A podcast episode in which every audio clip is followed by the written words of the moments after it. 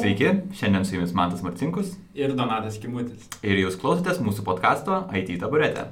kuriame mes kalbiname žmonės iš IT sektoriaus, norėdami sužinoti, kaip jie atsidūrė IT pasaulyje, kas jiems padėjo, ko siekia ir kas laukia ateityje. Ir šiandien ant taburetės sėdi partnerystės docentas Vilnius universitete, lead software architektas Danske banke Vaidas Vicevičius. Sveiki. Labas, Vaidai. Tai gal galėtum papasakot pradžioj, kas tu toks esi, prisistatyk, e, ką mėgsti laisvalaikiu veikti. Tai kaip jau Mantas ir pristatė mane, tai aš uh, dirbu Danske bankė kaip lead software architektas ir to pačiu dėstau Vilniaus universitete, kur esu kažkas pavadintas partnerystės docentu. Programuoti gal ir neprogramuoju, bet uh, žinau, kaip kiti programuoja ir kažkiek bandau padėti kitiem ir papasakot, kaip reikėtų programuoti. O tą patį darau ir Vilniaus universitete, kur bandau studentam padėti suprasti interneto technologijas ir taikomasias platformas. Technologinės platformas, atsiprašau. Tai va. Kokie hobiai, kuom, ta prasme, ką veiki laisvalaikiu, ar dirbi visada? Dirbu nemažai, bet ir hobių turiu, tai labai patinka tenisas, kuriam, lauko tenisas, kuriam dėja dabar mažai laiko turiu. Uh, taip pat patinka skaityti knygas ir dažniausiai knygas ne apie IT, o arba grožinė literatūra, arba kažką, ką vadinčiau dokumentika, antras pasaulinis karas, turbūt mėgstamiausia tema. Ne kažkiek, labai mėgstu žiūrėti krepšinį ir esu nemažas žalgyrio fanas, taip kad nepykit ryto fanai. Tai, nu, lietkabelio fanai irgi gali supykti. Ir lietkabelio fanai gali supykti, šiais laikais tai tikrai.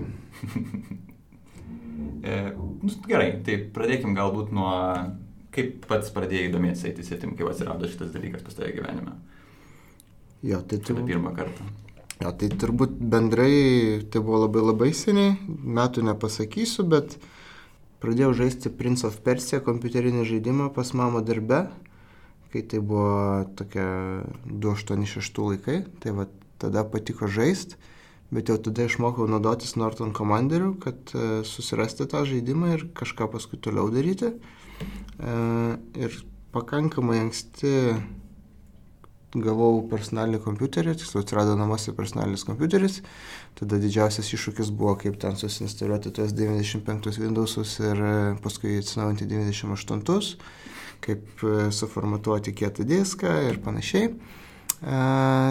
Ir surašyti naujausius žaidimus ir turbūt kokioj, galvoju, gal devintoj klasiai kažką pradėjau žiūrėti su programavimu, nors tas programavimas nebuvo susijęs su to, kad mokykloje mokė programuoti, šiaip pasidarė įdomu. Tai pradėjau tą daryti su Paskaliu ir įstojau į tokią vadinamą jaunųjų programuotojų mokyklą, kuri yra, buvo tuo metu prie Matematikos informatikos instituto. Tai ten atsiųsdavo uždavinius, kuriuos nekivaizdžiai padarydavo ir, ir, ir tiek. Kokios užduotis buvo? Tarp kitko, tą pačią mokyklą baigęs. Matėsi ir jaučiasi tam tikras edukacijos lygis. Žino tokius dalykus. Nežinau, iš kur. Tai va, bet ten, jeigu Donatas baigęs, tai žino, kad ten atsiųsdavo paštu kažkokius uždavinukus, tu ten spręsdavai. Vienintelis man tuo metu iššūkis turbūt buvo, kad turbūt dabar ten surasti sprendimą internete būtų lengva.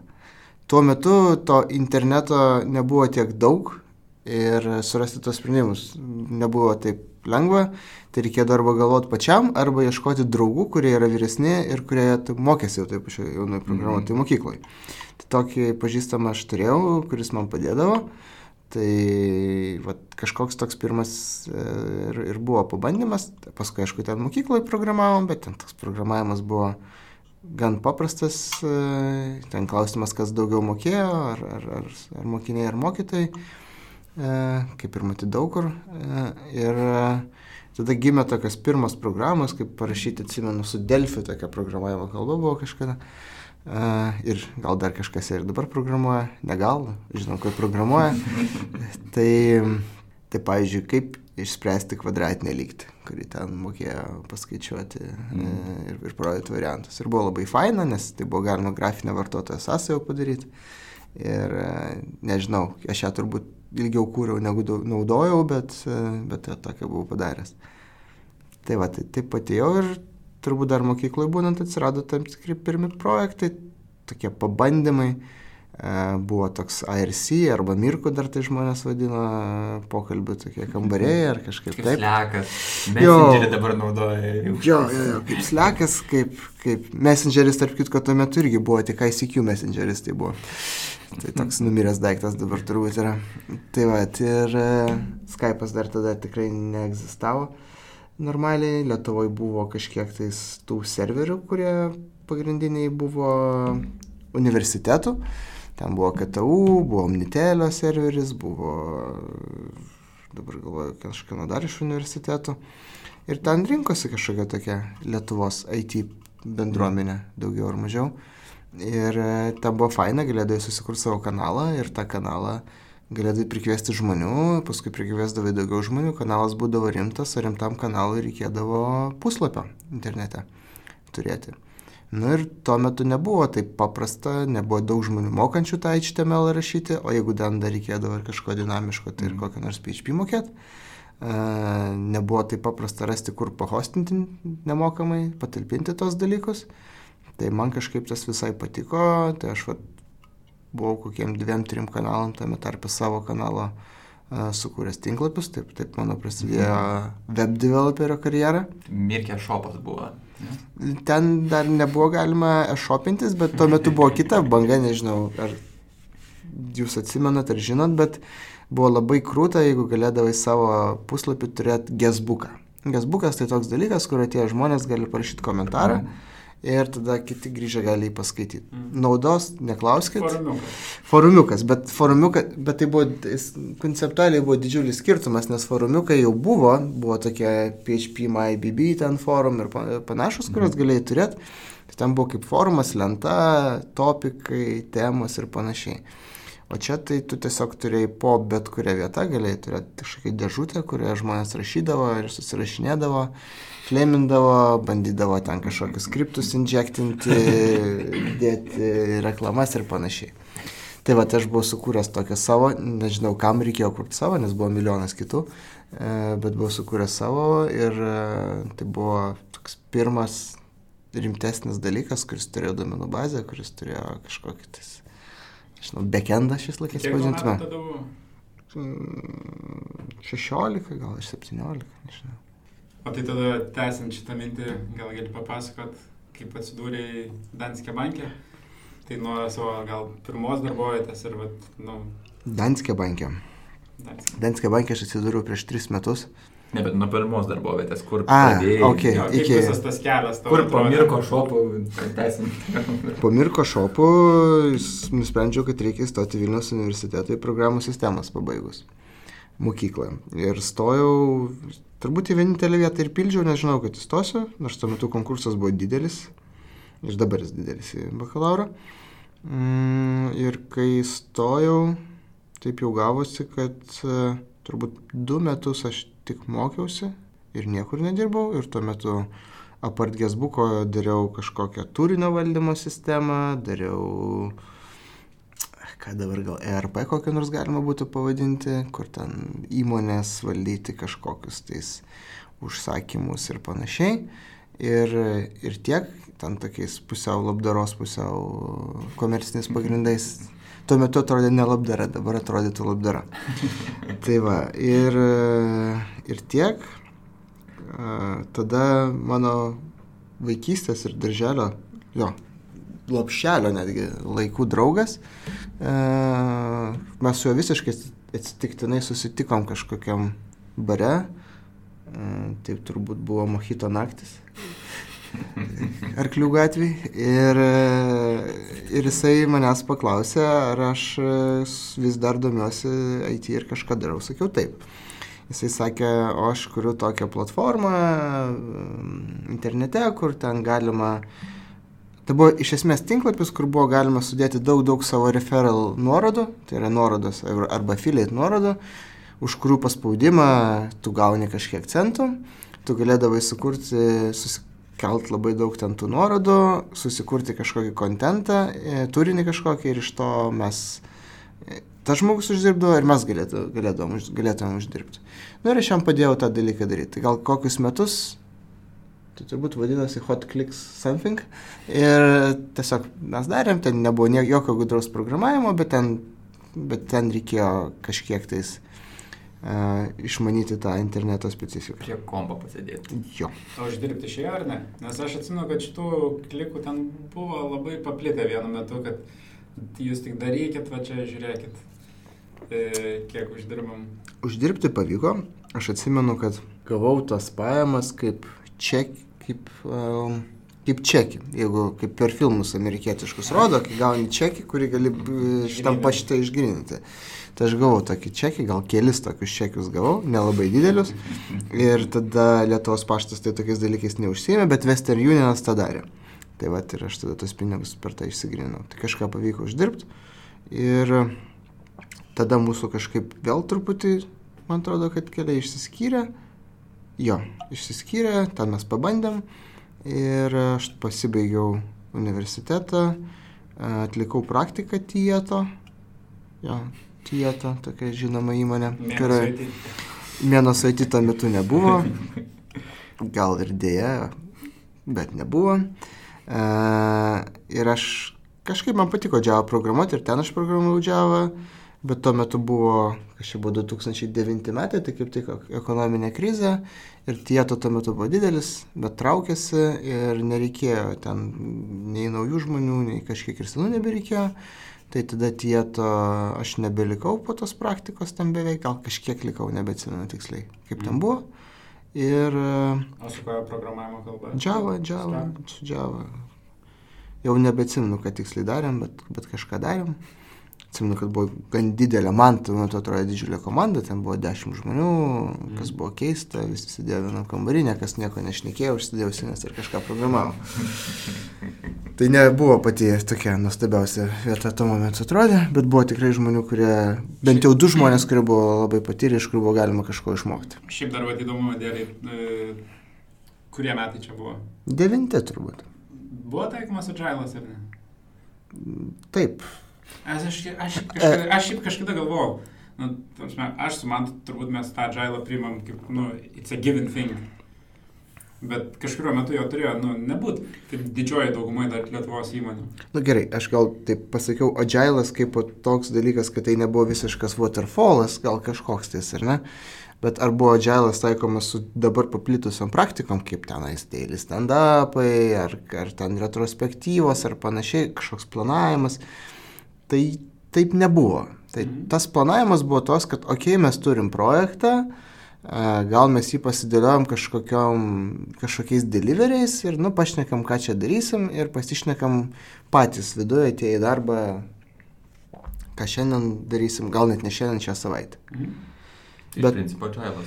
Nu, Iš tai- principo agilas, bet jeigu mes kalbėtume apie kas yra dabar skramas ar, ar kažkas tokio, Mhm. tai turbūt to nebuvo. Ir man atrodo, aš galiu meluot, e, kad ir viso organizacijoje tuo metu nebuvo ir nelabai apie tai žmonės daug ir šnekėjo kokiais devintais metais. Na, prieš dešimt metų tai buvo. Mhm. Tie užsakovai būdavo, kurie norėdavo projekto, du metai kažkas tokio. Jo, Tai čia daugiau, kad iš klientų irgi nebuvo. jo, turbūt tokio nebuvo. Nu, Čia tęsti man savo monologą, ne? Taip, Tęsk. taip. Tęsk, taip. E, tai tada po viso šito aš vėl susitikau tą savo draugą. Vėl bare. Jo, aš turbūt dabar pamelavau. Dėl to, kad aš šitą antrą kartą susitikau Mohitą naktysę 9 metais. Ja, ja. Pirmą kartą neatsimenu, kaip tai įvyko. Tai va, bet čia tai jau tikras faktas. Dabar jau pasitaisau. Ir tada jis sako, žiūrėk, aš tai pabandėm mes su tais klikais, tie čekiai buvo, bet ne kažką ten paėjo. Tai aš dabar sugalvoju, kad galim patys savo afiliaitų platformą sukurti visą. Na, va, ir tai buvo tokia e, platforma, aš jam, jam kaip tik reikėjo Java programuotojo ir aš prie jų prisijungiau. Ir taip pradėjau daryti daugiau ir, ir, ir įdomesnių dalykų. Tam buvo tada pakankamai įdomu, nes tai buvo daug integracijų su, su trečiom šalim, ten su visokiom bankiniam sistemom, su PayPal'u. Mm. Verslo specifika tokia ganėtinai savotiška, nes tų vartotojų kaip ir nemažai. Jie, gal vienas vartotojas daug tų pajamų ir neuždirba, bet, bet jeigu jų daug, tai jie uždirba. Nu, va, tokie iššūkiai. Bet vėlgi tai buvo 2010 turbūt metai ir tai buvo Java, Java 1.5, tuo metu jinai dar buvo vien. Bent Nu, va čia Donatai, aš tau galiu papasakoti istoriją, kaip, e, kaip Java dabar yra 6, 7, 8, 9, 10 ir 11, o kažkada jinai buvo 1, 2, 1, 3, 1, 4. Tai va, taip, tai penkta Java jo. Bet penkta Java tai jau buvo didelis daiktas, jie atsirado generics, jeigu aš nemel, ne, neklystu mm. nuo, nuo tos versijos. Tai, tai va, buvo pakankamai įdomu. Aš tikrai daug nemokėjau tuo metu Javas ir, ir daug mokiausi bet e, jo, pati buvo visai įdomu. Kadangi mūsų buvo mažai, tai ten apie kažkokias labai adžialo praktikas aš nepapasakosiu. E, nelabai jų reikėjo paprasčiausiai. Kambanas gal labiau. Kambanas buvo. Jo. Šiais laikais tai vadinam kambaną. Jo, reikia padaryti. Jo, jo. Yra kažkoks milestonas, kuris yra metų ir reikia padaryti daiktus, kad pasiekti ten. Tai čia, čia net ne kambanas turbūt čia. Jo, jo, bet tos tarpinis etapas tu susigalvoji, kažkokius mm. milestonas išsikeli, bet jo sėkimas tai turbūt yra labiau tarp to do in progress ir done, negu, mm. negu kažkas tenais ready for development ar ten ir, ir panašiai. Mm.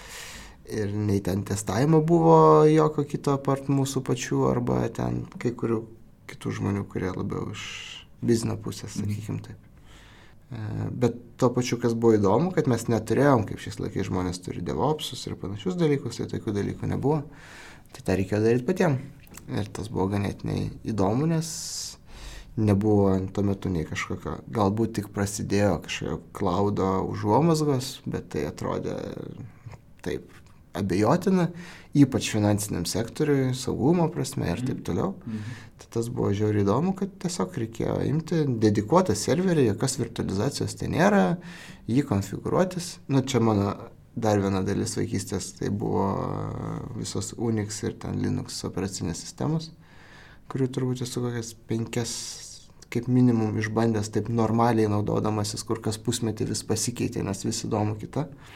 Tai aš tos patirties nemažai turėjau, bet tai buvo tokia daugiau iš end userio patirtis, kuri tą momentui nebuvo labai žavi, bet palygint mm. kaip yra dabar. Mm. Tada skirtumas buvo kosminis. Tarsi, tu negalėjai paimti ir susinstaliuoti, kaip dabar Ubuntu, suranda visus driverius ir tu naudojasi tada tu žinai, kad tu susinstaliuosi Ubuntu, ten nebus nei tavo grafinės kortos driverio, nei ten daug dėjo motinės plokštės bus. Lego. Tai bet realiai net ir su Windows jis taip irgi buvo kurį laiką. Jo, bet tai buvo aiškus, flo, aiškus flopikai, kuriuos kada reikia kišti, yeah. kuriuos tu gaudavai kartu su savo įsigytų ten personaliniu kompiuteriu. Tai ne Lego, Windowsai buvo daugiau kaip Lego, kai tu susidedi pats, tu daugiau ir drož dar turėjai iš medžio tas Lego. Exactly. Kaladėlės.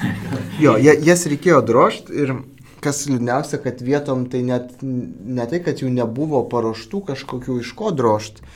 Tiesiog tu galėjai turėti, aš turėjau tokį Pentium, kuris jau ten tada turbūt buvo.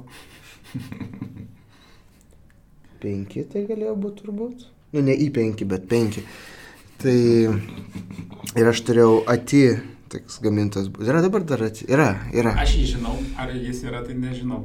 Yra, yra ne, toks gamintojas, tai aš turėjau jo kažkokią tais vaizdo plokštę, kurios nebuvo driverio e, tam dalykui ir galėjai naudoti kitą driverį, kuris truputį veikia ir, ir tą driverį turėjai susikompiliuoti iš sorsų, žinot, ką tai daro. Tai buvo atskira patirtis. Aš prisipažinsiu, nežinau, ką aš ten darau, žinau, kas, kad reikia pirmą parsisiųsti, tada kaip parašyti tar minus x ten mhm. VF, kad išsiekstraktinti kažkur tais, tada, kad reikia nueiti, pasiskaityti readme failą, ten dažniausiai tau pasakys, kad reikia paleisti taškas configure, kuris sukonfigūruos aplinką, tada pasakyti make, kuris subildins ir make install, kuris padės binary failus į reikiamą vietą. Ir tai gali veikti po to. Nu, o jeigu tai neveikia, tai tada bandai kitą. Tai va, tai buvo įdomi patirtis e, ir aš kažkada net esu, buvo tokia Slackware, gal dar ir dabar yra e, Linux distribucija, kuri neturėjo jokių instalerių, viskas buvo įmama iš svarsų. Tai tu parsisiųsdavai ir pradėdavai kompiliuoti. Tai buvo tokios geros savaitės užsiemimas, nu, jeigu taip laisvalaikiu, sakykime, mhm. užsiemant, kur tu pasiruošti aplinką, kad neveiktų. Bet kai tą padarai, tai jautiesi pasiekęs labai daug. Tai va, tai, tai tos patirties turėjau nemažai, tai kai perėjau prie tos pusės, kur truputį šiais laikais vadintum devopsinę, tai gal buvo daug kas žinoma, tik tais netaip žinoma, kas liečia ten firewallus IP, tablais visokiais ir panašus dalykai. Pat buvo įdomu. Nes tu viską matėjai, viską žinojai, jeigu pradeda trūkti ramo, tai žiūrėdavai, kodėl jo trūksta. Patyręs ir vertinamas buvai. E, Sau pačiam jaučiau, jaučiausi, jaučiausi įgyjantis daug patirties mm. tuo momentu, kas buvo faina. Ir internetas jau buvo normalus, tai buvo galima ieškoti dalykų. Ja. Ja. Tai va. Stack Overflow ir panašiai. Ne? Jo, jo, tai Stack Overflow reikalas senas pakankamai. Gal kontento prasme dabar yra jo ženkliai daugiau. Dabar beveik viskas yra. Jo, tik dabar yra kita bėda, kad reikia neužmiršti pažiūrėti datą, kai tu skaitai tą atsakymą, nes jau, kažkas... Tai filtruoti reikia po truputį. Tai, tai va, tai... Bet iš kitos pusės galima pripažinti, kad savo metu būti kažkuo geru IT pasaulyje buvo lengviau.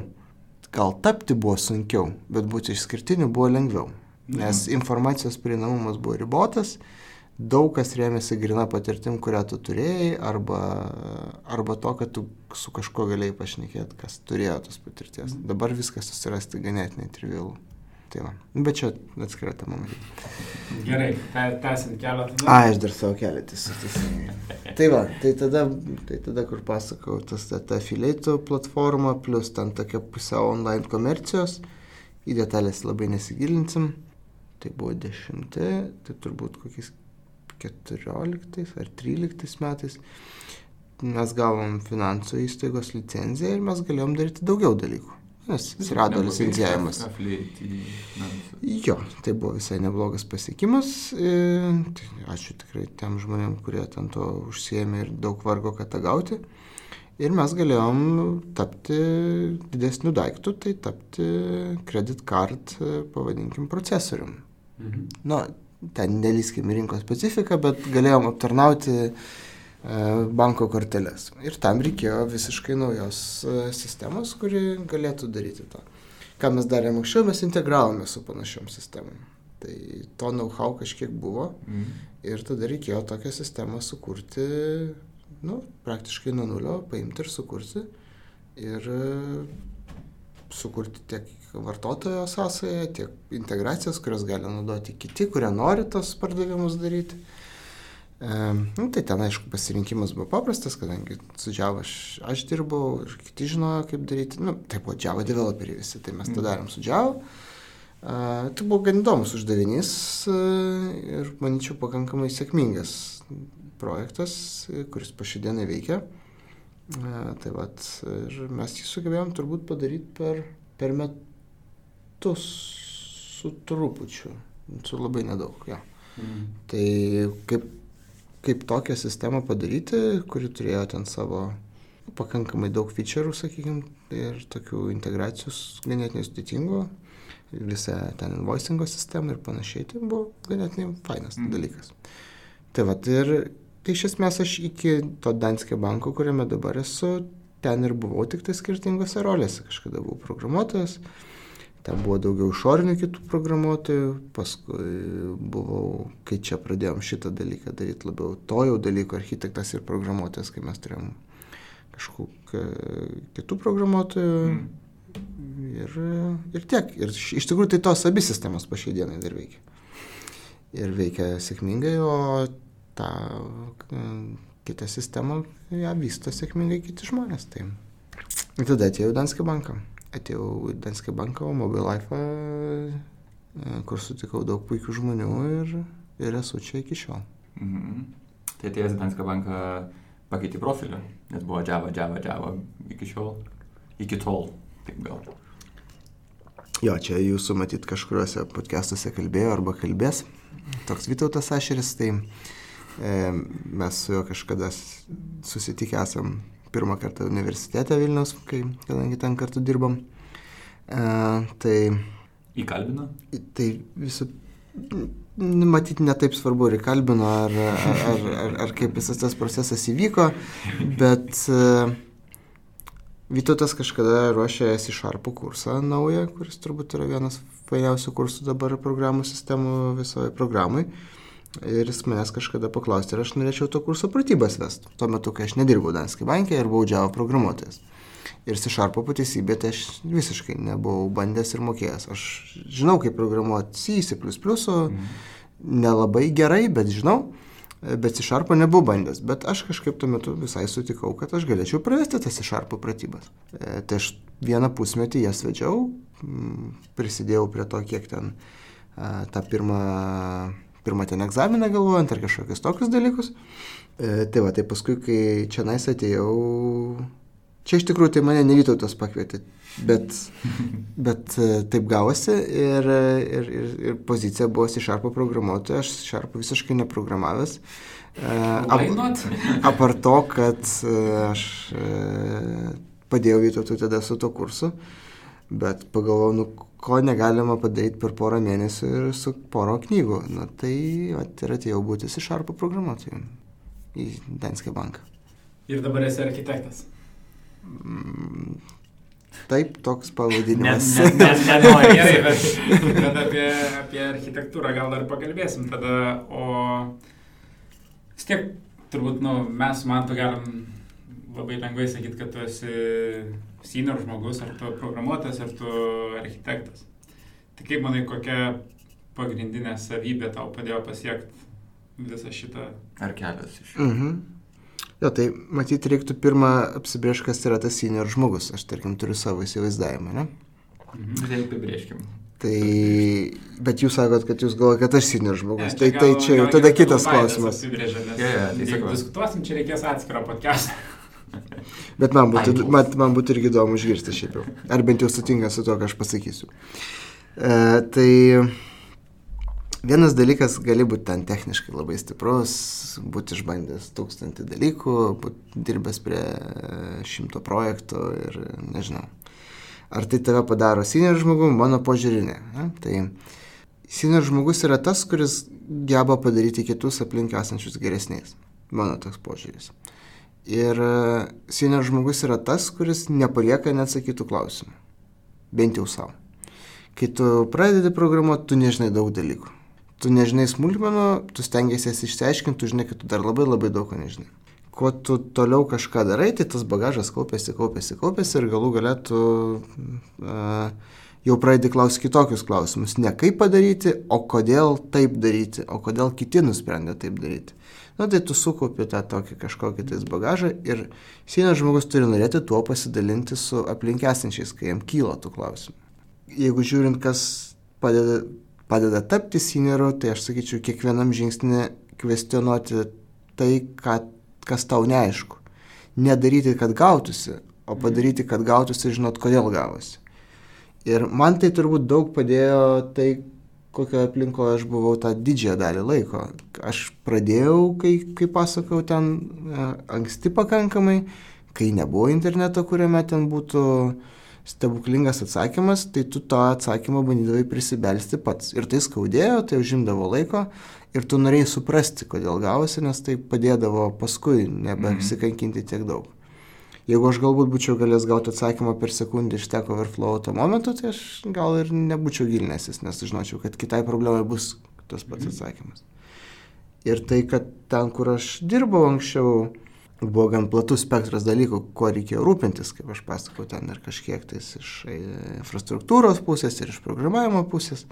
Tai padėjo, nes tu turėjai suprasti, kaip dalykai veikia. Nebuvo daug labai senior žmonių, arba jų iš vis tam tikrų metų nebebuvo, kurie galėtų tau padėti arba už tave užstoti.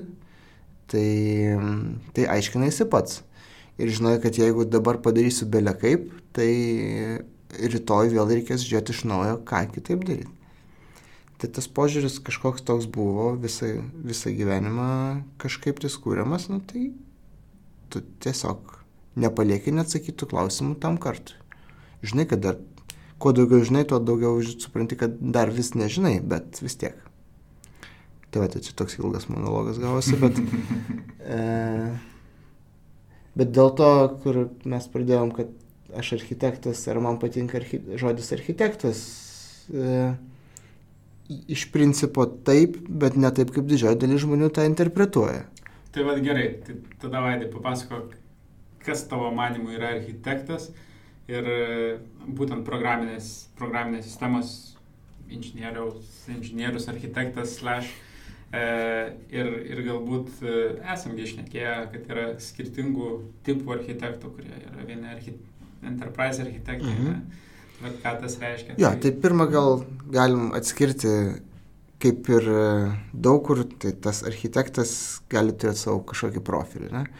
Ir Mano požiūriu, čia galima knygose rasti kitokių pasakymų, bet architektas gali būti tas, pavadinkim, application architektas, gali būti enterprise architektas, gali būti e, solution architektas, tai yra daug žodžių. Mhm. Jie visi kažką reiškia. Tai kas yra enterprise architektas, matyti, yra pasakyti lengviausia. Tai jeigu imtum didžiulę organizaciją, pavyzdžiui, Danske bankas tai yra didžiulė organizacija, Tai reikia žmonių, kurie nustatytų IT vystimosi kryptį ir kažkokias gairias, kurias laikosi kiti, labai daug kitų žmonių.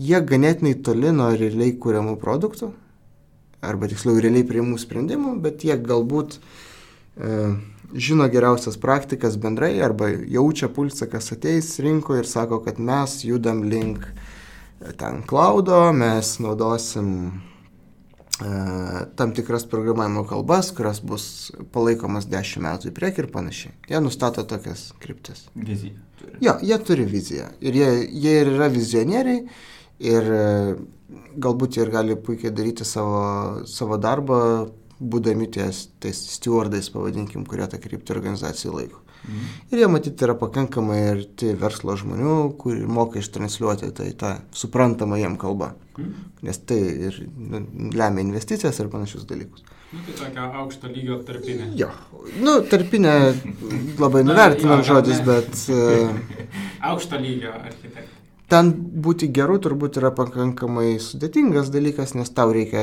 ir soft skillsų šiaip gerų, ir, ir, ir, ir techninis skillsų, reikia kažkiek, tai mm. bent jau. Jau daugiau tikriausiai soft skills. Bet te, jau ten jau labai peraugai soft skills. Tada yra, tada yra, sakykime, tai, ką galim pavadinti kažkokio uh, solution architektų. Ir solution architektas yra toks labai skirtingai naudojamas terminas. Uh, Bet kai aš sakau solution architect, tai žmogus, kuris atsakingas už tam tikrą produktą ar projektą ar jo įgyvendinimą kaip architektas.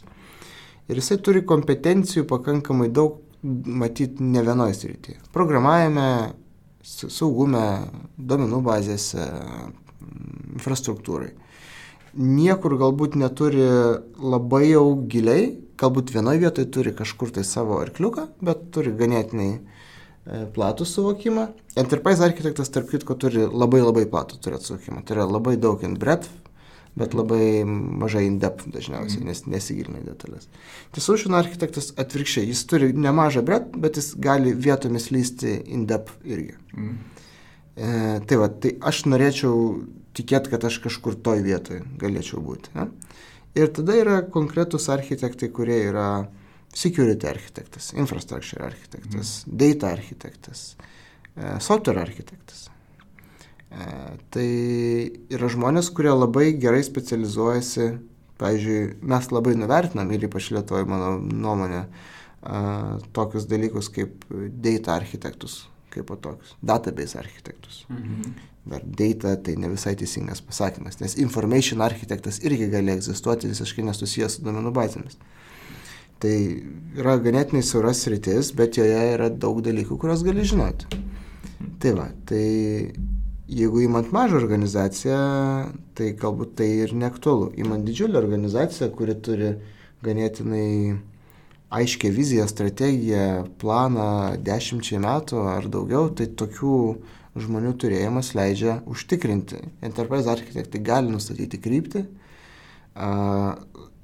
tų specifinių sričių architektai gali, kaip ten security ar kažkieno, gali tiesiog palaikyti, suportinti developmentą, kai reikia klaus, atsakyti tuos klausimus. Jie galbūt nedirba konkrečiai su produktu, jie yra tiesiog srities specialistai.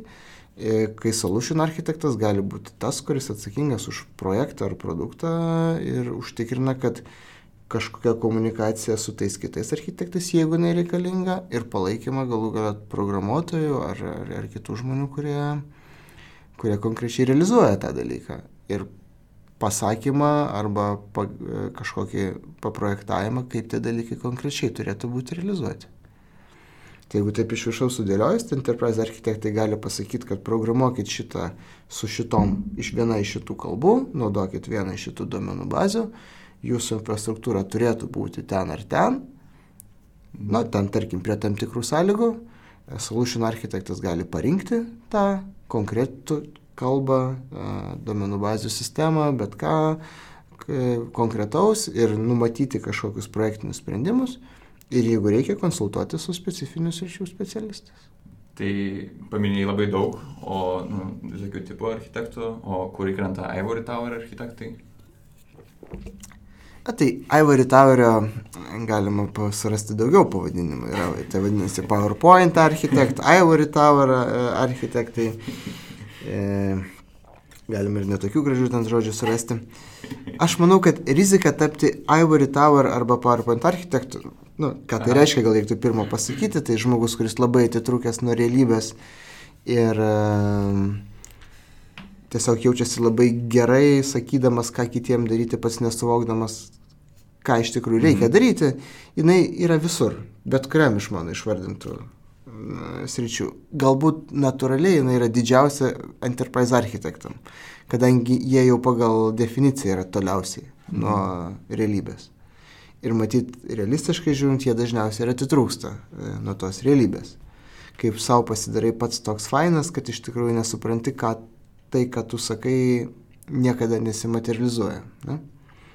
Bet lygiai taip pat gali būti to solution architektas, kuris tiesiog galvoja, kad ta rizika yra visur. Tu gali galvoti, kad aš dabar šitą produktą vystau, aš pasižiūrėsiu kažką idealaus, pasakysiu, kaip žmonėm daryti ir jeigu tu su tai žmonėm, kurie daro, nešnekėsi, nematysi, kas jiems skauda ir neatsakinėsi jiem į konkrečius klausimus, tai būsi toks pats sėkmingas PowerPoint architektas. O kaip čia atsitinka, kad jie tokiais patampa? Saviukos trūkumas. Bet turbūt kuo didesnė įmonė, tuo daugiau tokių žmonių yra. Bet jis visur, žinok, yra. Aš nemanau, kad čia. Aš manau, kad ma mažesnė grupė žmonių yra daug sunkiau prabūt tokiu žmogum. Nu, tai tada klausimas. Daug greičiau pastebės, kad tu nedeliverinai kažką. Mes neatsakom tada į klausimą, kas yra didelis, nu, nes sunku pasakyti. Aš iš vienos pusės aš tikrai nemanau, kad tai yra problema tik su didžiulė organizacija. Tai gali būti ir maža organizacija. Maža organizacija tai žmogus nesivadins architektų. Bet tai, kad jis sėdi savo bokšte ir sako kitiem, kaip daryti, pats nesuvokdamas, ką sako, ta rizika egzistuoja. Arba projektų vadovai. Tu gali vadintis... Programuotojas neišeis atostogų, nes jo. kitaip sugrius viskas. Jo, tu gali būti, gali vadinti save, pro, ten nežinau, lead developeriu kažkokiu tais ir būti tokiam pačiam bokšte užsidaręs ir ten aplinkui duoti nurodymus, kai reikia kažką padaryti, pabandyti padaryti, pamatyti, kad nesigauna ir numes kitiem, nes čia net ne tavo mhm. darbas tą daryti. Vienas dalykas, man atrodo, čia motivacijos klausimas. Ką, ko tu sieki, būdamas? Ar tu sieki kilti aukščiau tam, kad kažkada tiesiog būti tokiu geru, kad tavęs niekas nebetrukdytų? Jeigu eini su tokia motivacija, pas kai mhm. kurios žmonės yra, Tai jeigu tu taip eini, tai kai tu jau tą laiptelį prie to bokšto pasiekai, tai tu ir jame ir atsisėsi. Atsidarai duris. Atsidarai duris, eini ir sėdi su visam. Kabinetą. ir ten, žinai, matyti didesnė organizacija turi tą riziką, kad išėjimas gali būti gal kartais tik kojom į priekį, tai čia jau kitas klausimas. E, nu, nes vėlgi, dideliai masiai žmonių lengva pasimesti. O dar galų galę surasti bendraminčių, kurie sukuria kažkokį ten kvorumą, kuris užtikrina. Safe place. Jo. tai čia vienas. Uh, turbūt momentas. Na, kitas momentas, kad ne visi matyt žmonės yra tokie nuo pat pradžių, bet aplinka įtakoja žmonės. Tai jeigu tu kyli savo karjeros laiptais, kad ir būdamas šviesiausio proto ir na, nuostabiausių idėjų vedinas, bet patenki, čia jau didesnės organizacijos rizika, patenki į tokių žmonių izoliuotą grupę, patenki į enterprise architektų burelį, kuriame... Vieni kitus liaupsina ir jo, savo, kokie jo. yra faini. Tai reikia matyti labai geros, mm, tokios ir stiprios savirefleksijos. Jo, savirefleksijos ir labai stipraus suvokimo, kad tu ko tu iš tikrųjų nori. kad, kad nepaskestume. Tai jau. Aš tada gal tau du klausimus noriu užduoti, kurie yra nelabai susiję. Tai, tai gal atskirai tada. Ne, kad galėtum pasirinkti arba pagalvoti, ne atsakymą kitą. Negali žinoti. E, tai pirmas būtų, čia turbūt labai priklauso nuo architekto tipo, bet uh Mhm. -huh. e, jeigu žiūrint į solution architektą, ar tu manai, kad jis turėtų būti e, agile organizacija, kurioje vietoje jis turėtų būti? Ar jis turėtų būti kažkokioj komandai, ar turėtų būti kaip product ownerio lygmenį, ar business analyst lygmenį? Ir ar tas architektas turėtų išmanyti ir biznio logiką, nes manau, Mhm. kad nu, svarbu apie tai pakalbėti. Kitas klausimas yra, kur visiškai not related, tai su kokiu sunkiausiu arba didžiausiu iššūkiu esi susidūręs apskritai per savo karjerą Ok. profesionalią? Pradėkime nuo pirmo klausimo. Dabar e, gal dar tas solution architect, aš nepasakiau, koks yra kitas to interpretavimas. Tai jeigu galite rasti, kad solution architektas tai yra žmogus, kuris šiaip su IT visiškai nesusijęs. E, Nu, ne tai, kad visiškai nesusijęs, bet solution architektas yra žmogus, kuris nuvažiuoja pas klientą ir jo klausia, taip, kokios jūsų problemos, kaip norėtumėt jas spręst, kokius turi ten e, reikalavimus. Mes turim va tokį produktą, jis turbūt tiek, tenkina jūsų reikalavimus. Aš galiu grįžti pas savo programuotojus ir paklausti, kiek kainuotų pridėti tą trūkumą. Tai ir irgi yra solution architekto apibrėžimas, kuris yra naudojamas. Tai yra labiau, tarkim, turi didžiulės organizacijos Facebookas, tas pats turi solution architektus, kurie važiuoja pas didžiulius klientus ir sako, mes norim jums parduoti savo reklamą, mes turim tokį kanalą, leiskit, aš išsiaiškinsiu, ar jis jums tinka ir pasakysiu, kiek kainuotų jį padaryti, kad tiktų. Tai čia truputį atsako į tą patį klausimą, kad sol- solution architektas iš savęs visada turi kažkiek tais būti šalia verslo. Kiek ir kaip, tai čia kitas klausimas. Bet aš nemanau, kad gali būti geras solution architektas nesuprasdamas verslo poreikio. E, tarp kitko, Danske Vankė mes turim pakankamai neblogą pavadinimą, yra Customer Journey Architect. Formaliai aš irgi esu Housing Journey Architektas, kuris yra atsakingas už vat, būsto kažkokią tais kliento patirtį ir, panašius dalykus, kuris nemažai bendrauja ir su atstovais iš verslo pusės ir, ir, ir tą daro. Tai nemanau, kad čia gali būti sėkmingas, toje vietoje būdamas kitokiu. Tam solution architektų roliai. Ar tu gali būti soft, software architekto roliai nebendraudamas su bizniu? Turbūt gali. Nu, tas bendravimas vyks, nes mes dirbtume, tai to džiailo principais, kažkokia komunikacija būtų, bet ar tau reikia žinoti, kas bus po pusės metų arba po metų, Nu, turbūt, kad būtų gal ir gerai žinoti. žinoti kryptį taip, ar tau reiktų siekti įtakoti tą kryptį kažkaip tais arba prisidėti prie jos formavimo, galbūt ir nereiktų. Mhm. Gal solution architektas gali padėti formuoti tam tikrą kryptį, jeigu žinai dviejų metų planą, kaip tos du metus išdėliot protingiau, kad mes greičiau tą tašką pasiektumėm arba pigiau jį pasiektumėm ir panašiai. Tai dabar grįžtant prie antro. Prie iššūkių, ne? O čia iššūkis e, susijęs su IT. Turbūt taip. Jos Su IT, kad jo. Mhm. Jeigu žiūrėt grinai iš techninio iššūkio, tai turbūt buvo mano buvusiai darbovietėj, kai mus pakankamai stipriai atakavo su ten denial of service ataka, atakavo iki tokio lygio, kad duomenų prasme, jūsų servisą kažkas publicly atakavo. Mhm. Mhm.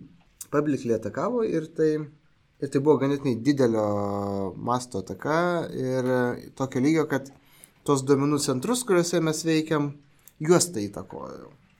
Tai reiškia, įtakojo tų duomenų centrų kitus klientus ir mes praktiškai gavom pasakymą, kad, na, jeigu iš šito neišspręsite, tai mes tiesiog jūs visiškai išjungsim. Nes mes dar truputį veikiam, tais lengvais tarpais, kai... Kaip sakoma, ančiurkos. Jo, tai buvo turbūt kokios, aš dabar tiksliai nesimenu, bet gal kokios 48 valandos. Be miego beveik, be nieko. Kai tiesiog reikėjo ieškoti būdų, ką padaryti, e, kad A, perkelti savo tą mm, vykdomą veiklą kažkur kitur greitai, tame tarpe kažkaip tais žaisti ir bandyti mitiguoti tą esamą ataką, kad vis dar bent jau kažkiek klientų ateitų. Ir, ir bandyti galų galiai išsiaiškinti, galbūt iš kur ta taka ir ateina, kad ją gal kitokiais būdais užkirsti.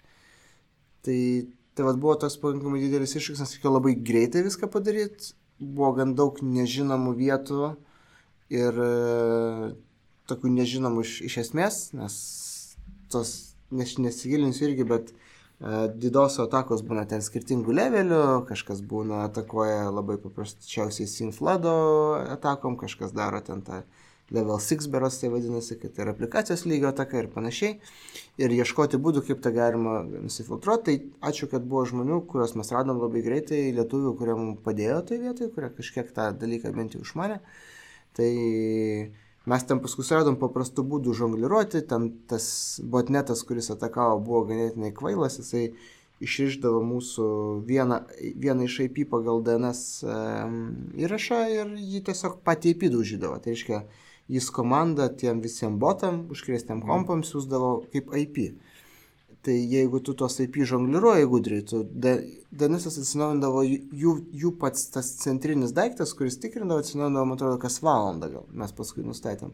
Tai jis principė kartą per valandą paklausė, kokį IP atakuoti ir visus informuoja. Ir valandas atakuoja tą IP. Tai mes valandos pradžioj uždėdavom kažkokį tais IP, kurį tada atakuodavo, bet ne tas, o paskui iškeisdavom. Tai mes turėjom gan mažą laiko tarpą, kuris neveikdavom, paskui veikdavom, paskui važaisdavom. Na, paskui mes aiškinamės, kas ten tą visą dalyką užsakė ir panašiai. Ir panašiai tai buvo jau įdomioji dalis po to. Na ir paskui visa dalis, kaip sukurti sistemą, kuri visgi būtų resilient tokiam dalykui.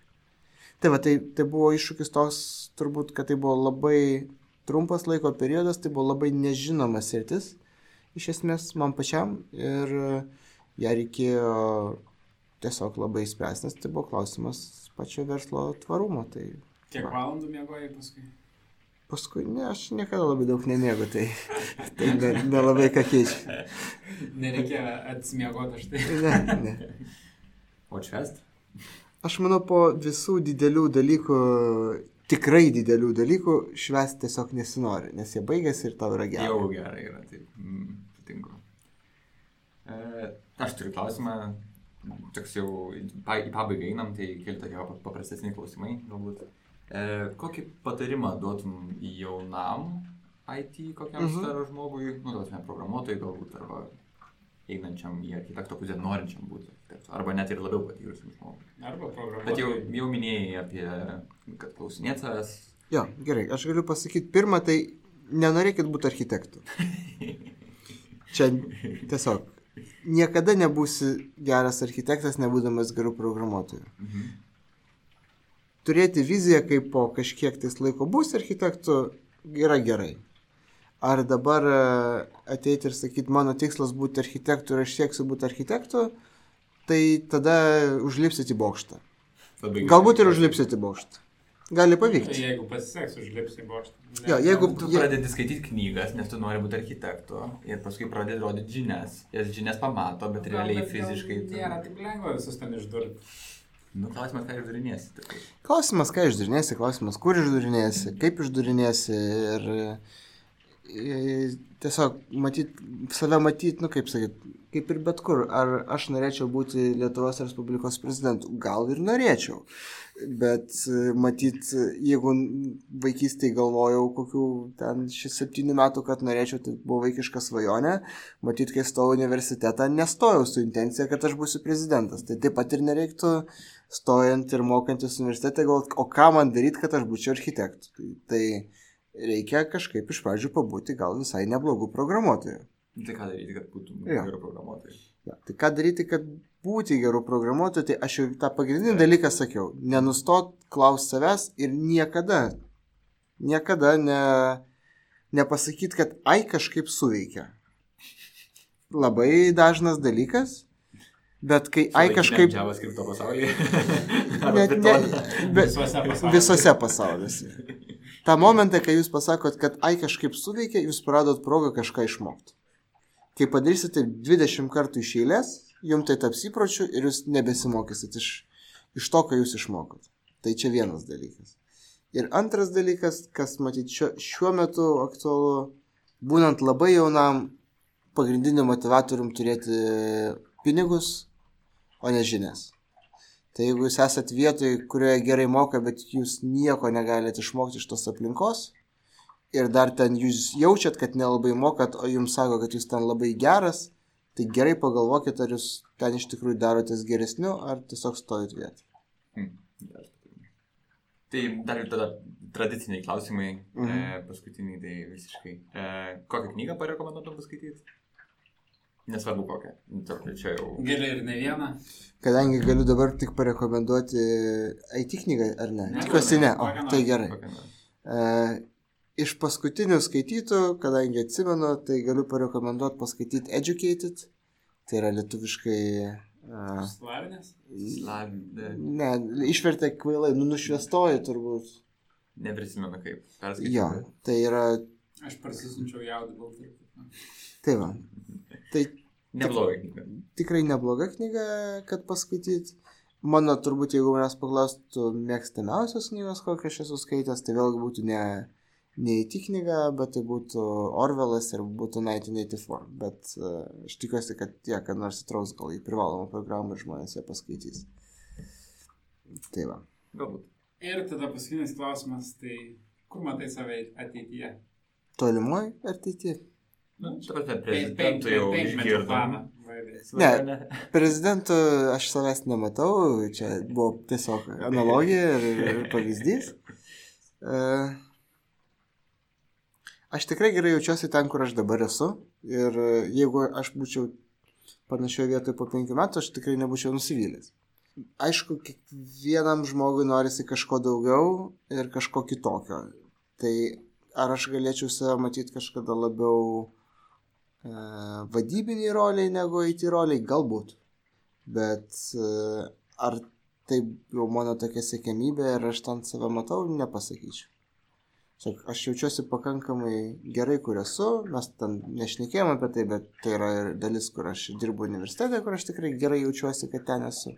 Nežinau nieko tokio kito, kur sakyčiau, kad labai labai labai dabar ten noriu būti. Cool.